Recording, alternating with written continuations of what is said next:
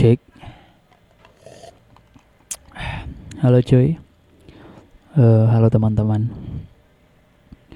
Gua mau nge-podcast lagi. Eh, hari ini gue mau cerita tentang eh gua, tentang gua waktu kecil, ya nggak kecil-kecil banget. Eh, sama nyokap gua. Dan menurut gue ini salah satu cerita yang menarik dan eh, harus gue share ke teman-teman gitu. Jadi waktu itu mungkin gue masih SD. Mungkin nomor berapa ya? Em, berapa ya? 10 apa 11 kali ya gitu. Masih polos lah, masih kecil, masih lugu. Eh, nyokap gue bilang gini nyokap gue pernah bilang gini sama gue di suatu obrolan ya keluarga biasa lah. Tiba-tiba nyokap gue ngomong gini. "Eh, kita harus baik sama semua orang. Nyokap nyokap gue bilang gitu. Kita harus baik sama semua orang. Terus dengan polosnya gue hmm, gue ngomong gini. Loh kan emang seharusnya gitu. Gue bilang gitu. Loh kan emang seharusnya gitu bu. Gitulah kira-kira. Terus nyokap gue nggak jawab apa-apa. Nyokap gue nggak jawab apa-apa dia cuma senyum gitu. Eh ngebales omongan gue itu dengan senyuman dan kayak apa ya ada hal yang tersampaikan tapi mungkin eh lo belum waktunya tahu lah gitu. Jadi dia cuma balas dengan senyuman tanpa ngejawab apa-apa gitu. Eh, lalu gue besar. Gue semakin besar dan gue semakin dewasa mungkin 20 tahun ke atas Eh, mungkin belum sampai umur segitulah. Pokoknya gue mulai dewasa dan gue mulai mengerti hidup.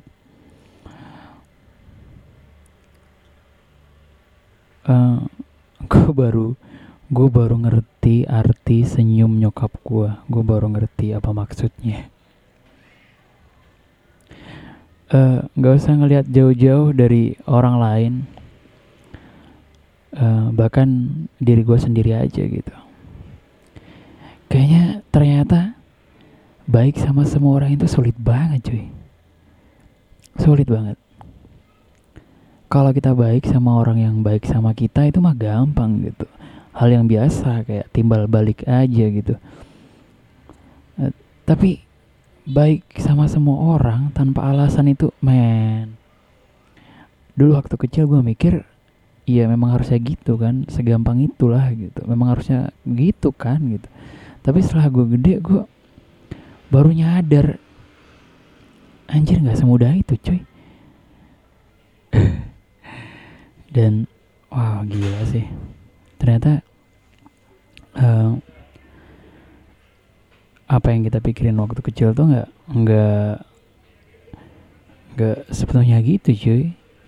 Dunia itu nggak nggak seperti apa yang kita pikirkan di waktu kita kecil man. Setelah gue gede gue baru nyadar bahwa yang kita pikir seharusnya begitu ternyata pada pada kenyataannya bahkan gue sendiri aja nggak bisa ngelakuin itu.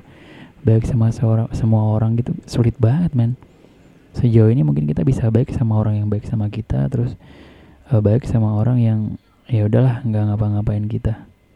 Cuman kalau baik sama orang yang jahat sama kita men gimana caranya cuy? Gimana caranya? Gila. Sulit banget gitu belum belum tentu kita semua mampu gitu. Lah terus gimana? Gue berharap orang-orang begitu sedangkan gue juga belum tentu bisa mampu kayak gitu. Ya ya kayak gitulah.